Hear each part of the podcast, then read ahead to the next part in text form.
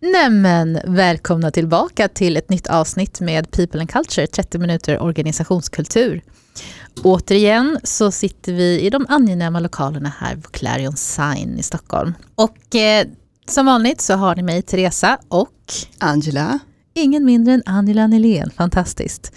När vi spelar in det här avsnittet nu så har ju vi faktiskt kommit tillbaka från semestern. Det stämmer.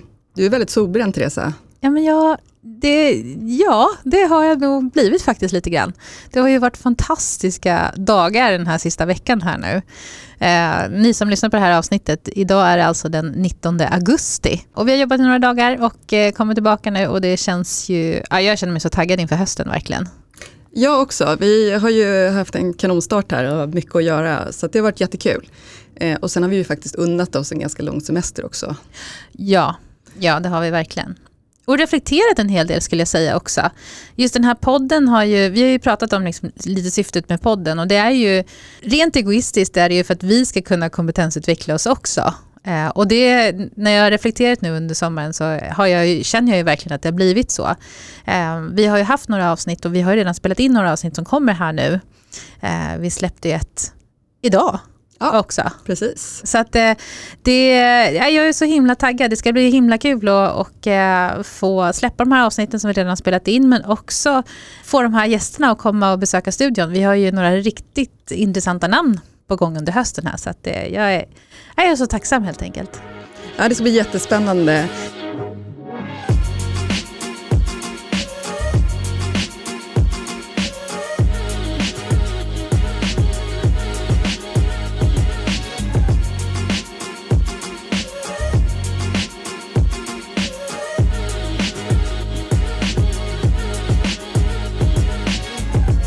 Och nu på temat här att vi haft eh, unnat oss en lång semester så tänkte vi så här, något som vore väldigt intressant att diskutera lite närmare. Det är ju det här som, som kanske är väldigt mycket på folks, ehm, på tapeten just nu ska man säga. Och då pratar vi work-life balance eller work-life integration eller vad man väljer att kalla det. Men just det här, hur liksom gör man för att hitta den här perfekta balansen mellan sitt arbetsliv och sitt privatliv? Ja, speciellt nu när gränsdragningen är så väldigt mycket mer luddigare för många. Många jobbar hemma och nu har de ju kommit ut, rekommendationen är ju att fortsätta jobba hemma till, höst, eller till jul. Eh, och liksom, var går gränsen? Och det är inte alla som har fördelen att kunna ha ett eh, arbetsrum hemma. Så att eh, datorn den sitter på köksbordet eller i soffan eller vad det nu kan vara. Och liksom, var går gränsen helt enkelt? Ja, och för de som har barn, om man vabbar, ena föräldern vabbar och den andra är hemma, hur, hur funkar det egentligen i praktiken? Ja. Eh, då sitter man hemma med ett sjukt barn och jobbar, fast den andra ska... Det, ja, det är lite svårt om man nu inte bor i ett stort mansion någonstans. Någon kan sätta sig i västra flygen och den andra i östra. det är ju många som faktiskt sitter in på varandra och det har ju varit många sådana här roliga incidenter också som man har hört talas om. Nakenchock, någons man kliver in naken i, i någons teamsmöte och någon går in på toaletten datorn, tar med sig datorn. Och det blir lite speciella situationer här i, i eh, coronatid när man sitter hemma och jobbar. Ja, och vi tänkte ju då, eh, en tanke som slog oss, det var ju det här med att vi kände att vi ville beröra det här utifrån, eh, prata lite också lite mer generellt också kring det här med work-life balance och just det här, hur får man in familjen i det hela? Så vi har ju också tänkt att vi ska avsluta den här, podd, den här poddavsnittet med att ni ska få höra våra barns tankar. Våra barn är otroligt viktiga för oss. Eh, vi har ju också startat vårt bolag som vi driver på på sidan om den här podden med syfte att också visa våra barn att ingenting är omöjligt. Och eh, då vill vi gärna också veta vad de tänker kring det här med att jobba och varför är det bra och sådär. Så Eh, är du intresserad så sista delen av det här avsnittet då får ni höra det direkt från våra barn. Våra genier helt enkelt. Våra genier, exakt. barn. Nej. Ja. Nej men det är väldigt intressant, det är kul att höra också hur man har färgat av sig på dem eh, utan att man vet om det. Eh, och det är väldigt blandade åldrar så att det, det får ni lyssna på. Eh, och kanske få ett gott skratt, kanske få några insikter på vägen också. Men för oss, vår del, om vi ska prata privat, så är det ju väldigt mycket, när vi startade bolag så var det viktigt för oss att vi skulle ha tid med våra barn. Det var nog en av de saker vi faktiskt sa ganska tydligt, eh, att det ska vi se till att få in i vår kultur. Och hittills har det gått ganska bra. Mm. Vi har lyckats rätt bra med det. Eh, vi jobbar ju hårt och så mycket, men vi är väldigt noga med att det ska finnas tid att, att gå och hämta på dagis och, och är det vab så, så är det vab. Mm. Eh, och det är ju en del av att få ihop privatlivet, att inte känna den där stressen med hämtningar och lämningar. Hur känner du Teresa? Eh, vad, vad, är dina tankar kring det och, och även tidigare arbetserfarenhet och sådär? Jag tycker att det, jag är så stolt över oss att vi, för det är lätt att säga det. Och det är också min erfarenhet med många organisationer idag. Det är lätt att säga fina saker och ha ambitionerna av att ja, men man ska kunna gå hem i tid och det, det, ska, inte stressas och så vidare. Och jag tycker eh, att vi har lyckats med det bra. Jag är väldigt stolt över oss att vi ändå, vi går när vi behöver gå. Eh, jag känner mig inte stressad när jag ska hämta barnen. Någon enstaka gång, ja absolut, det kan ju hända också. Men överlag så tycker jag att vi, liksom, att vi, vi har prioriterat våra barn och även det här med som du sa i början, det här med semestrarna. Att vi har ju också tagit semestrar och också varit med våra barn aktivt med våra barn. Det är viktigt att också få den, för att vi vet ju sen att när hösten drar igång, då kommer vi jobba mycket. Vi älskar ju vårt jobb och det är ju väldigt angenämt. Och då gäller det ju att liksom också ta sig tid till barnen, så att de får liksom full uppmärksamhet när vi väl har den tiden. Men eh, jag tänker på det där som du sa med tidigare arbetsroller och eh, min erfarenhet också som konsult, där har jag ju också stött på organisationer och ledare som gärna pratar sådana här saker, att det ska vara work-life balance. Och det ser vi ju också i medarbetarenkäter och sånt där som vi har jobbat med tidigare, att det, det, är ju viktigt för många. Vad som motiverar människor, det är ju det här med att känna balans mellan arbete och fritid. Men det är lättare sagt än gjort. Och här är det ju verkligen eh, leading by example. Om man ska prata om just det här med kultur, hur man ska tänka som ledare när det gäller det här. Jag tror du har varit inne på det på något avsnitt tidigare när vi har pratat i podden om just det här att ja men om du säger en sak då måste du göra det själv också. Du kan som ledare inte sitta och jobba över och sen säga att de andra ska gå hem. För att jag brukar prata väldigt mycket om det här med symbolvärden du kan säga en sak men du symboliserar någonting helt annat. Så det är så viktigt att, att se till att ta ner alla de här fina ambitionerna och sätta dem i rent så här, konkret. Ja, men vad är det vi menar med det här egentligen? Jo, nej, du ska inte sitta över en halvtimme, för då kommer du komma sent. Om det är det du känner är viktigt för dig i ditt liv. Så man behöver sätta upp liksom vissa eh, mål för varje individ. Vad tycker ni själv är viktigt och hur kan jag som ledare hjälpa dem att uppfylla de här målen? Jag hade en, eh, en tidigare VD, Erik Dreborg, som jag är, ja, fantastisk person. Eh, han sa till mig så här, min ambition, mitt mål som ledare för dig, det är att du ska känna att du går hem och mår bra. Och jag blev så här, först hängde jag inte med, så här, men går hem och mår bra, att jag ska inte ha, liksom, jag ska se fram emot att gå hem, var det till och med han sa. Och då kände jag mig så här, okej. Okay. Och det tyckte jag var så himla bra, för jag har aldrig tänkt på det på det sättet förrän han sa det. det men oftast är det den här man pratar om så att man ska se fram emot mot, mot jobbet, du ska inte ha måndagsångest och sådär. Men tänk att man vänder på det och istället pratar man om så här, du ska se fram emot att gå hem.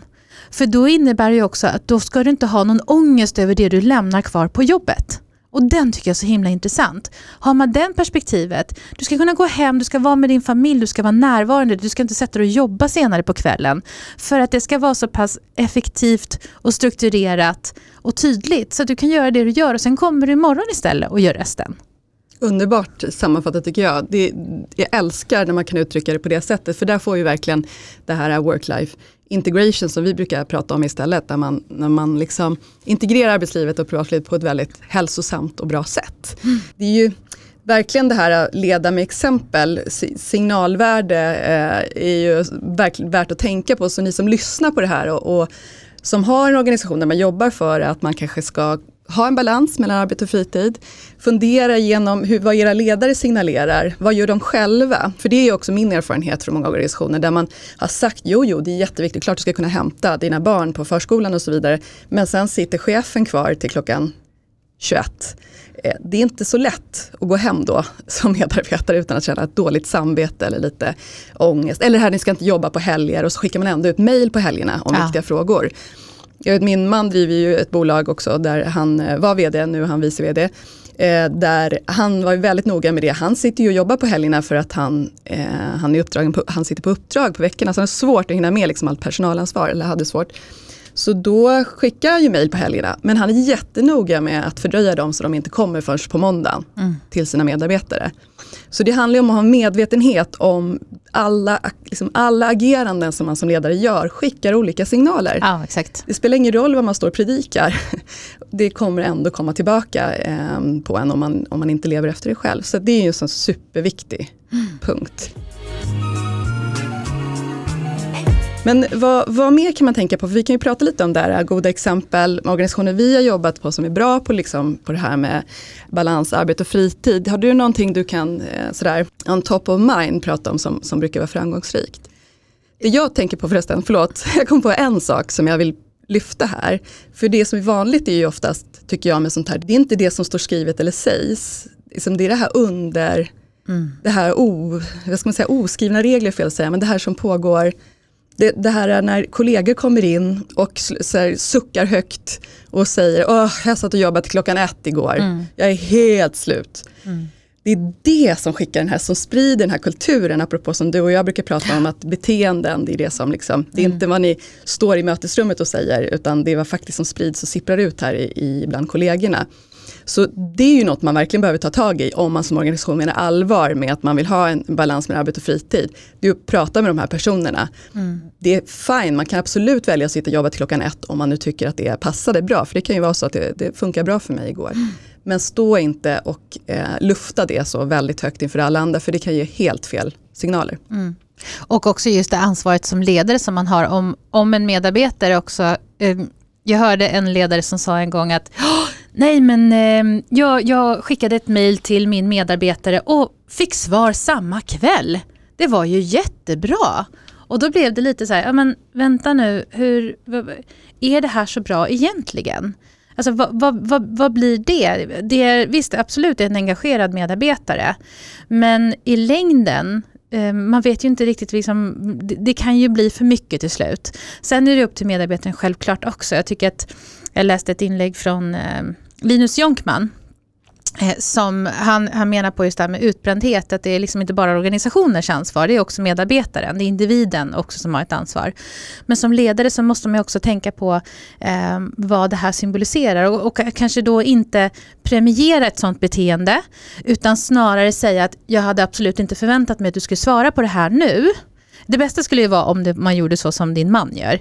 Att eh, man sätter det liksom att man skickar ett sånt mejl senare och inte på kvällen och får ett svar.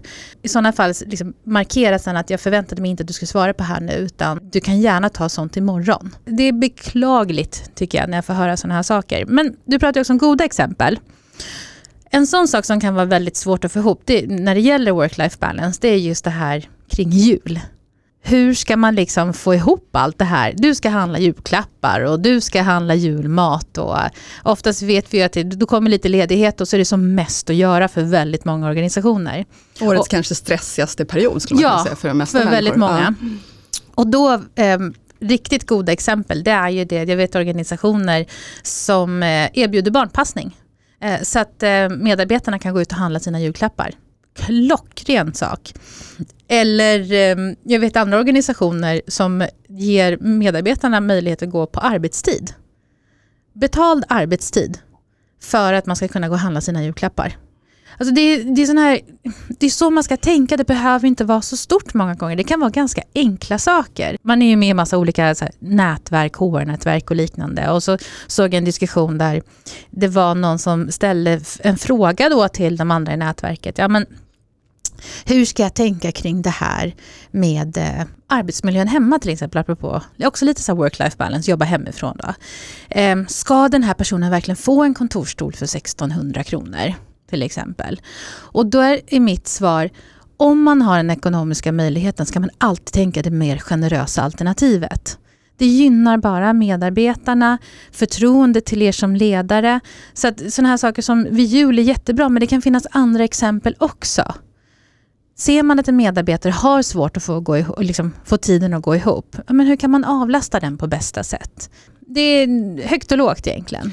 Jag tycker det är ett bra exempel. Jag tror att många tänker så här, men julklappar, det har ingenting, det är inte något jag som arbetsgivare har att göra med. Mm. Eh, men det man, vinsten av det här är ju istället för att medarbetaren sitter stressad, har svårt att fokusera på, på jobbet för att man har tusen andra tankar kring vad man behöver fixa inför jul, så, så får man ett större fokus. Så, så att det blir ju indirekt en vinst för arbetsgivaren.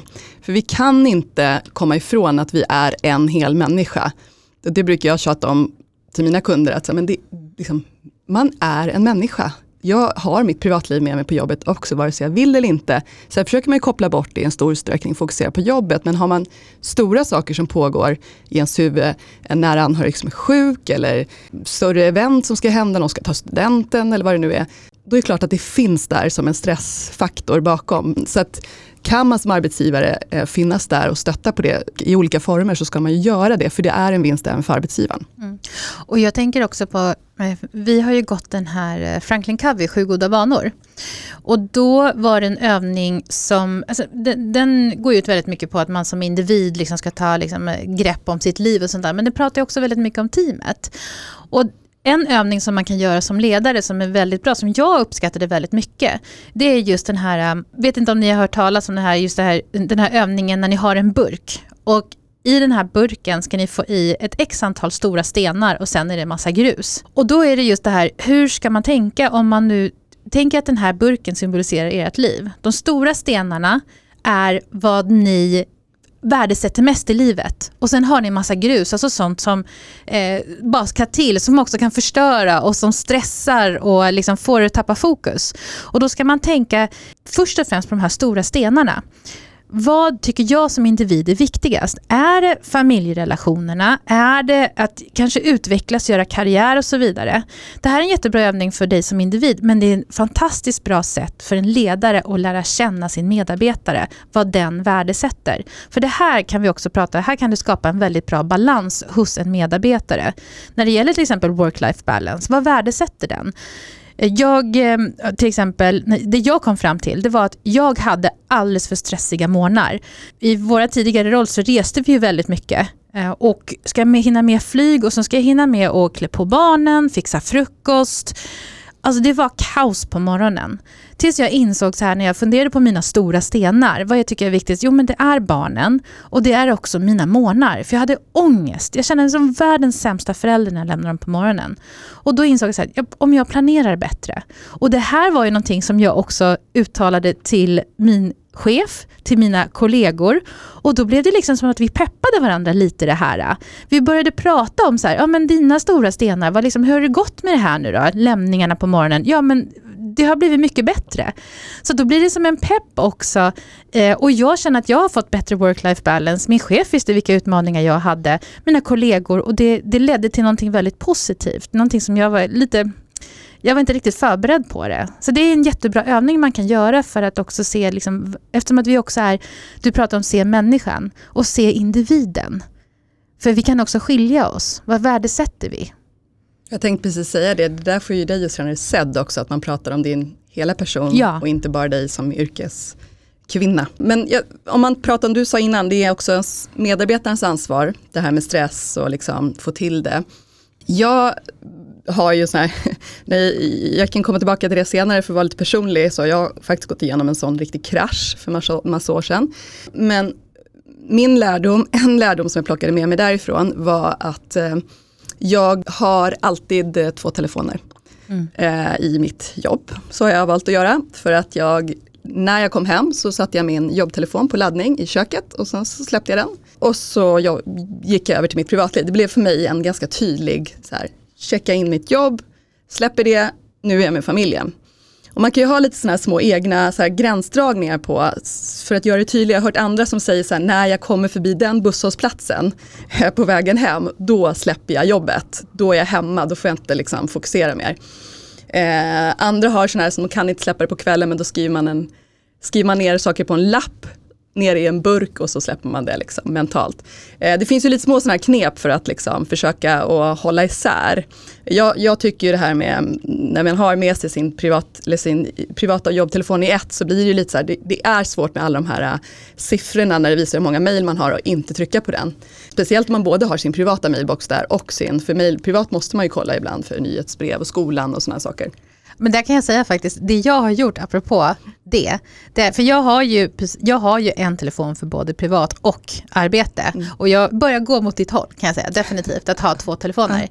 Men det jag har gjort, för att slippa stressen, det är att jag har inga notiser. Jag kan inte se de där siffrorna på någonting. Jag måste aktivt gå in och välja. Mm. Och som till exempel på semester nu, då har jag ju en mapp med alla jobbappar om man nu ska säga så. Och Smart. den hamnar längst bak i telefonen. Mm. Så den är inte det första som dyker upp när jag tittar på den. Så det har ju också hjälpt mig att liksom hålla Också ska säga, balansen eller vad man mm. ska säga. För att jag blev, jag blev superstressad. Alltså så fort det bara plingar, alltså det kan vara så, so, mm. social media-ikoner eller det kan vara jobbfunktioner. Bort med alla dem. Mm. För då blir du mer medveten om de valen du gör. Ja men det är också ett jättebra tips. Vi har ju haft en utmaning i vårt företag när vi ska kommunicera. Eh, därför att vi känner ju varandra privat också så har vi ett företag tillsammans vilket gör att det blir svårt att välja vilka kanaler ja. och vad vi ska ta upp. Särskilt det händer mycket bra saker, får man ta upp det, ska man inte, ska man störa nu på kvällen? Det, det är lite diffust. Vi lär oss lite på vägen hela tiden men mm. vi har mm. försökt liksom separera vissa kanaler och vi, vi, har sagt att vi skickar inget på sms eh, om det inte är något akut, liksom, om det är utanför arbetstid. Då. Då, då har vi en annan kanal där man kan skriva det och så så kan den andra aktivt välja att gå in i så mm. fall och läsa det. Bra i alla fall, tips är ju att tänka igenom regler kring sånt här. Jag tror inte att man bara ska låta det vara som det är utan i så fall aktivt välja att vi är, jo men man får mejla när som helst kvällar och nätter och, och vara öppen med det. Så funkar det här i vår organisation. För att det här blir en, en viktigare och viktigare fråga som jag tror att många medarbetare behöver få ta ställning till. Passar det här mig, det här arbetssättet eller inte? Eh, och här kan man med fördel involvera medarbetarna i att sätta upp sådana här eh, regler och riktlinjer kring hur ska vi kommunicera med varandra i bolaget för att minska stressen och kunna hjälpa en att hålla separat privat och yrkesliv. Ja, det, det, jag var precis inne på det också nu och det är så himla bra att, att få upp det här. Att, att man får ju ibland frågan när man, man har jobbat med olika typer av företag, men måste vi göra exakt likadant som alla andra? Och det är inte det vi säger, utan det är vad har ni för kultur? Är en högpresterande kultur där ni känner att det här är viktigt, man måste kunna få svar sent på kvällen. Eh, ja, men fine, men då måste ni ha det uttalat, för det kommer hjälpa er och det kommer hjälpa era medarbetare. Och det kommer också kunna hjälpa er sen när ni ska rekrytera, att eh, minimera risken för felrekryteringar.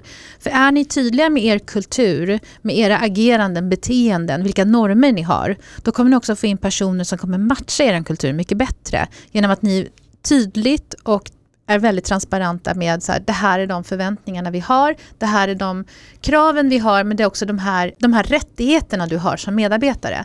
Då kommer det bli mycket bättre. Men gör man ingenting, uttalar man inte det här, då är det, alltså det i rena slutändan, vi har pratat om det här tidigare och det här är ju verkligen det vi brinner för också, just det att det handlar om pengar i slutändan också.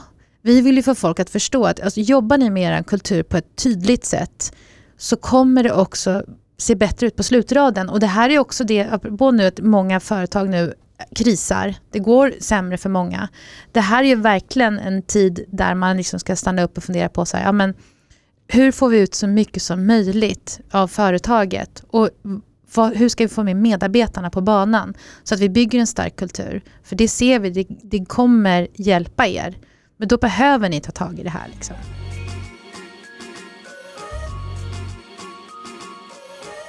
En eh, sak som jag tycker vi ska lyfta här också är, vi pratar ju om det, vad man skickar för signaler och så vidare. Jag tycker en annan fråga som, som är vanlig är ju det här med semester och när folk söker semester och man får inte svar i, i tid och det tar tid att få svar och sen så när man väl får, ska gå på sin semester så blir det liksom nästan lite buttra miner. Eh, eller man kan liksom inte kosta på sig och säga vad härligt, vad roligt att du ska vara ledig som chef. Det här är ju också något som är så otroligt viktigt att tänka på att det är som att det är en individ, det är en hel person. Liksom, och, och respektera att personen kanske har något viktigt som man ska iväg på. att semester och ledig tid med familj och barn är ju viktigt för individen i organisationen. Så att liksom, försök att, att eh, hitta bra rutiner för att ge svar på ledighetsansökningar och, och inte låta dem ligga liksom, längst ner i mailboxen och ta dem det sista ni gör. För det, det är liksom det kan uppfattas som väldigt respektlöst och liksom kosta på er att säga vad roligt, vad härligt att du ska vara ledigt eller vad kul att du åker iväg. Så man liksom inte behöver åka med den här känslan av lite dåligt samvete och skuld för att man har man fått ledigt och accepterat ledighet, ja men då ska man ju faktiskt få det liksom fullt ut och inte behöva åka iväg med en klump i magen. Och jag tänker också på det, eh, apropå vi pratar ju mycket om det här med barn och familj. Jag vet inte hur många gånger som man har fått eh, att skolan vill veta fritids vill veta när barnen ska vara lediga. Och det här förväntas jag svara på innan hela processen har kommit igång på tidigare arbetsplatser. Så att jag kan ju omöjligen svara på när mina barn behöver omsorg eller inte. För att det har liksom inte kommit igång i företagets verksamhet ännu. Så där kan man ju verkligen säga, ja men man kan ju önska sig, ligg steget före som företag, underlätta för medarbetarna, fråga dem när brukar skolan komma ut med förfrågningar, få någon form av snitt på när majoriteten får sådana här förfrågningar. Det är ju en sån sak som man som medarbetare skulle älska, att liksom slippa stanna, få där och så ska man liksom, känner man sig dum mot skolan och bara, nej men att jag, jag vet inte om jag får semester eller inte, jag tror att det är de här veckorna, för det skulle underlätta så mycket för mångas liv som då har barn. Ja, verkligen. En, nu börjar tiden rinna iväg redan. Gud vad det här gick fort. Det märks att vi är lite taggade. Men jag vill ändå att vi hinner ägna lite tid åt de sista minuterna till när det går snett. Alltså vad, hur kan man agera i sådana här lägen när man har tappat det lite grann och någon medarbetare håller på att få det riktigt jobbigt. Och jag skulle faktiskt vilja lyfta en egen erfarenhet där. Eh, för jag har faktiskt ett, ett eh, klockrent exempel och då får jag lyssna, lyfta en gammal chef till mig, P.O. Eriksson. Jag vet inte om han lyssnar på det här, men, men i det här fallet, jag, jag gick bara smackade rakt in i väggen får man väl säga, eh, på en tidigare arbetsplats. Eh, jag var väldigt ny i mitt jobb och jag fick väldigt mycket projekt eh, som ny och som hade inte kontrollen över det här kändes det som. Vilket gjorde att jag mådde inte alls bra. Och jag hade en kär kollega till mig som såg det och till slut så tog, tog det med min chef. Och han eh, direkt tog ett möte med mig. Och jag vill lyfta det här för att jag tycker att sättet som han agerade på, enligt min uppfattning då, var det optimala. Alltså han kunde inte ha gjort saker bättre. Jag vet inte om det var medvetet från hans sida, att han liksom visste precis hur han skulle agera, eller om det bara var en slump. Men det han gjorde var, han satte sig med mig, han bad mig skriva ner alla mina projekt som jag hade på, på en lista. Han bad mig peka ut vilka projekt som, som stressade mig mest, som, som jag var mest liksom nojig över och som jag hade minst, kände att jag hade minst kontroll över satt i sittande möte, ringde upp kollegor till mig, lämnade över de här projekten så att han fick ett ja. Han var väldigt noga med att de sa ja, accepterade det i sittande möte. Så bad mig liksom stryka den kunden på listan och så gick vi till nästa. Alltså det är fantastiskt. Alltså jag, jag blir så glad när jag hör det här. Ja, det är liksom ett sånt otroligt bra exempel. Alltså han, och det han gjorde sen var, vi hade ju även säljansvar och det han Sen sa var liksom att, eh, och känner du dig stressad över försäljningen? Ja, det gjorde jag naturligtvis då, för det gör man ju på allt det här när man är säljande konsult som alla vet. Då sa han, du behöver inte förvänta dig, jag förväntar mig ingen försäljning från dig på, jag kommer inte ihåg vad han sa, men han sa en viss tid. Så du kan bara sitta lugnt, för jag, jag hade ju magsår inför säljmötena varje gång för, liksom, i allt det här. Och tack vare det så, så, liksom, så hämtade jag mig från det här sen. Och det här var under en provanställning ska jag säga också, så det var ju, det var ju också en, en sak i det hela. Och det var han tydlig med första när vi satte oss. Har det här att göra med att du är rädd för din provanställning? Eh, att göra. Och det, så det var egentligen inte det jag tänkte på alls. Jag var ju mest rädd för att sjabbla till det jobbet. Mm. Men sa, det behöver du inte vara orolig för. Jag är jättenöjd med det, jag tycker du gör ett jättebra jobb. så liksom han tog bort den också. Ah. Och sen bara tjoff, tjoff, tjoff. Tips som jag vill ge till chefer och ledare när man råkar på det här med utbrändhet eller stress eller så vidare. Det är att agera direkt. Direkt. Och man behöver inte ha alla svaren, man kan fråga medarbetaren. Men be dem liksom konkretisera, alltså få ner på papper, för det, då får man ut det i sitt huvud. Och sen så titta på alla de här sakerna och se vad kan vi, vad kan vi plocka bort. Och det behöver bara vara tillfälligt. Jag tog tillbaka många av de där kunderna sen. Så att det behöver inte vara för, för evigt. Det jag vill säga är, när en medarbetare tar upp med en ledare, ledare att jag börjar känna att det blir lite mycket nu. Då ska ni gånga det med tusen. För att det kräver jättemycket. Har man tagit det steget, då har det redan gått väldigt långt. Så, och man försöker alltid mildra inför sin chef. Så säger någon det till dig, ta väldigt allvarligt på det. Lyssna inte på de mjuka orden du framförs med, utan det här är på, all, på allvar.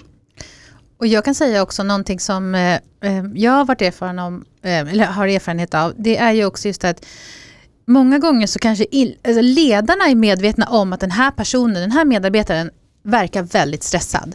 Den är utåtagerande, den har inte tid att prata, den är snarstucken, den eh, suckar, pustar eller vad det nu kan vara. Den märker på kroppsspråket att det är någonting som är fel. Den pratar med medarbetaren men medarbetaren säger det är fine, det är lugnt, jag, jag kan hantera det här, det är inga problem. Det man kan göra då, då har jag hört om en, en, metod som en av mina kunder arbetade med, för de hade väldigt många konsulter som höll på att gå in i väggen en efter en ungefär. Det var att man skapade ett gemensamt språk. Man skapade som en stresstrappa det man gjorde det var att med den här trappan så fick man liksom gradera från 1 till 5. Och då fick man sätta också så konkreta, så här, ja, men hur, hur upplever du? Man får, sätta liksom, man får markera själv vart man är och så får man också, det blir som ett diskussionsunderlag snarare. Så att man liksom fokuserar mer snarare på den här trappan mer än att bara, är du stressad? Nej, det är klart jag inte är stressad. För att oftast de människorna som bränner ut sig, det är ju de som också vill väldigt mycket. De är högpresterande, det är, inga, det är, det är inte de som liksom sitter på latsidan de vill ju inte heller visa att de är dåliga. Och då, då, då liksom flyttar man fokus till istället så här, okej okay, på den här stresstrappan, om man, nu ett betyder det här, skulle du säga att du är här? Nej, det kanske inte är. Och så sätter man som ett gemensamt språk och det blir ett jättebra verktyg. Om att man kontinuerligt följer upp på den här stresstrappan snarare. Går den uppåt eller neråt? Och det här kan man ha i sin, liksom, vad ska man säga, den, den, den eh, måntliga feedbacken som man bör ha som ledare. Då blir det mycket lättare så att man kan fånga upp det här i tid. Det värsta exemplet jag har hört det var ju en, eh, ett företag där en eh, projektchef som är ansvarig för projektledarna, där, det var också jättemånga som brände ut sig, går till vdn och säger så här, eh, jag, alltså jag tänker att vi måste ha något förebyggande här nu, någonting som liksom kan fånga upp de här. Och svaret från vdn var, men vad då? vi har ju företagshälsovård. Och då blev det så här, nej, fel. Oj. Ja, nej, det här är uppenbarligen ett hett ämne känner jag. För mm. när vi pratar om det så finns det hur mycket som helst man skulle vilja gå in på. Mm. Tips och, och tankar och idéer kring hur man ska jobba med det här. Så vi kanske får komma tillbaka till det helt enkelt. Ja, vem vet. Vi får se. Och ni som lyssnar på det här, har ni annan input, exempel, frågor, frågeställningar så ja, men skicka gärna in dem. Vi är ju så tacksamma för att, ja, att det är så många som har hört av sig. Det är tack vare er som vi liksom får väldigt bra ämnen på det här. Precis, och adressen är hello at culturebydesign.se och vi tar ju som sagt jättegärna emot tips och idéer och tycker ni att det här var ett ämne som ni vill att vi ska göra ett avsnitt till på så säg till så gör vi det. Eh, och nu får ni hänga kvar helt enkelt. Ja, våra barn. Ja, stay tuned.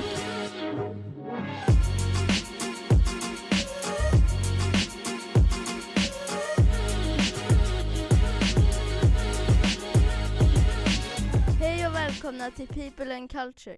Jag heter Hugo och jag är 11 år. Hej, jag heter Amanda och jag är 7 år. Hej, jag heter Ellen, jag är 6 år. Och jag heter Nora och jag är 3 år.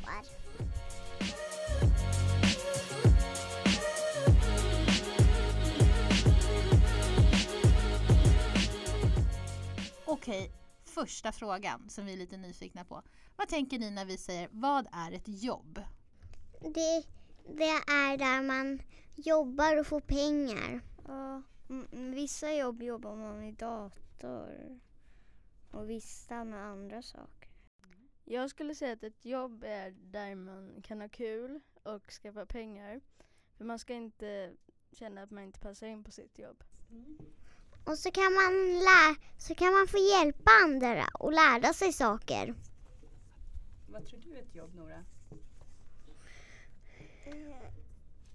bada. Bada? Ja, bada lät ju trevligt också. Det finns ju faktiskt de som jobbar med det. Vad, vad skulle ni säga, Hugo, du pratade om det här med att ha roligt på jobbet. Vad, vad skulle ni kunna tänka er? Hur har man roligt på ett jobb? Att man eh, gillar vad man gör. Alltså ja. att man känner sig bekväm med ja, för om, det. För om man går in på ett jobb Och sen tycker man att det är tråkigt. Det är inte så bra. Och så kan man, till, om man lär sig en, ro, en bra sak, då kan man bli glad. Vad tror ni gör att det är roligt på jobbet då? Att det finns saker man kanske gillar på sitt jobb.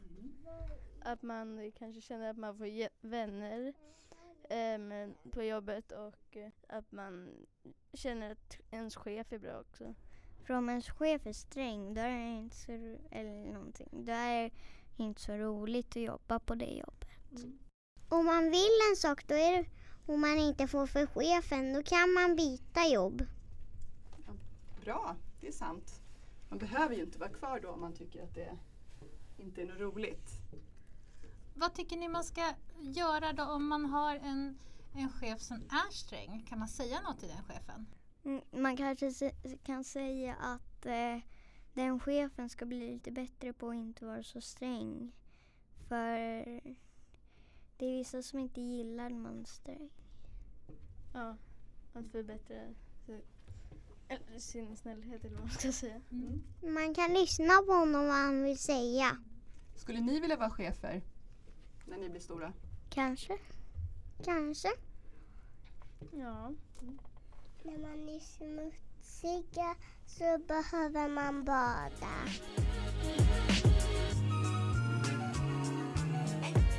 Angela frågade vad, om ni kan tänka er att bli chef när ni blir stora. Men vad annat skulle ni kunna tänka er vilja bli när ni blir stora? Mm. Em, Jag skulle tänka mig kunna bli en forskare eller en programmerare. Jag skulle kunna bli brandman. Jag skulle kunna bli sjukhus. Jag skulle vilja jobba med, med ett träd som har rasat och, fick, och laga det.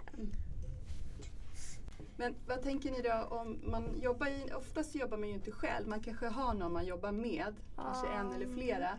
Vad tycker ni är viktigt för att man ska trivas med dem man jobbar med? Man brukar säga kollegor. Man kan säga jobbarkompisar också. Ja, just det.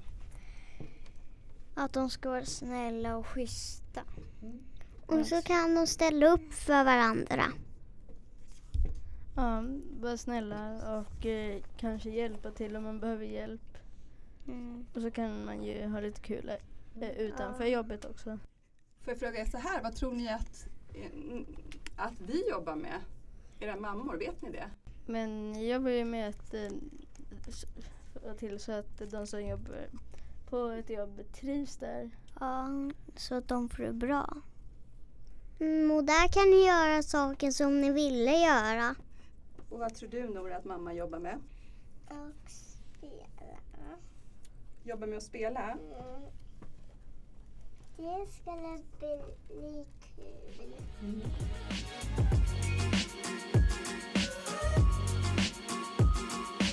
Jaha. Men då har vi pratat om, om att ni, vad ni skulle vilja göra och att ni kanske skulle tänka er att vara chefer. Men om, om ni skulle bli chef till exempel, vad skulle ni göra då? Vad, vad skulle vara det viktigaste för er om ni var chefer som ni skulle tänka på? Snälla och så. Att eh, mina kollegor, eller de som jobbar där trivs. Oj, och när, när de som jobbar där som är inte chefer, att man kan lyssna på dem vad de säger och så kan man göra så och se hur det går. Är det viktigt tror ni att man lyssnar på dem som jobbar, vad de vill och tänker? Ja, Mm. för då kan man ta till sig den informationen och kanske göra en förbättring. Mm. Ja, Istället för att man bestämmer själv. mm, för om det kommer någon som tycker att det kan bli en liten förbättring på någonting, då, då kan man ju göra det. Om man har många som slutar då för, på, på ett jobb. Det är många personer som slutar och inte jobbar kvar där. Vad tänker ni att det kan betyda? Det är bra eller dåligt? Eller? Det måste ju vara dåligt att det är någonting som folk inte gillar med att jobba där. Mm, för då har man ju gjort ett dåligt jobb. Ja, det, det är inte så roligt. Men om ni skulle få så här, hitta på den bästa arbetsplatsen. Nu vet ju inte ni hur det är att jobba än, men ni får hitta på helt själva. Ni behöver inte tänka som det är idag. Men om ni, ni som barn nu skulle bestämma hur det skulle vara på ett riktigt, riktigt bra jobb. Vad skulle ni göra? Ni får, det är helt fritt. Det finns inga, inga gränser. Att chefen, att chefen ska vara snälla, ska vara snäll och att man ska trivas där. Jag skulle tycka att det skulle vara bra om man skulle få sin tid att göra saken så att man inte behöver känna sig stressad och sen kan man ju också få att man har lite typ aktivitetsrum Mm. så när man, om man typ ska ta en paus. Vad skulle kunna vara i det aktivitetsrummet då? Pingisbord, det kanske basketbollhall, Ja. Mm. bio. Mm. Hopprep. Hopprep, Mm. bra idé. Mm. Kanske några fotbollar. Mm. Och varför skulle ni säga att det är viktigt att ha ett jobb? För annars då får man ju inga pengar och då kan man inte köpa mat och kläder. Och då man växer ur alla sina kläder, då har man inga. Och man svälter ihjäl om man inte har någon mat och vatten. Eller att man annars inte kan göra så mycket och man får mer sitta på gatan och om pengar. Så är jobben också viktiga. Ja. Ja, precis. Det finns ju jobb där ute som är väldigt viktiga för andra människor också. Det kan ju, jag vet inte, kan ni komma på vilka jobb tycker ni är viktiga? De som kan göra en skillnad där i samhället för alla andra? En brandman, för om det börjar brinna och man inte har några, då, då sprider ju sig och då kan man inte stoppa eld. En- till polis. En ambulans och en polis och en brandman. Och en byggarbetare som han har ett hus.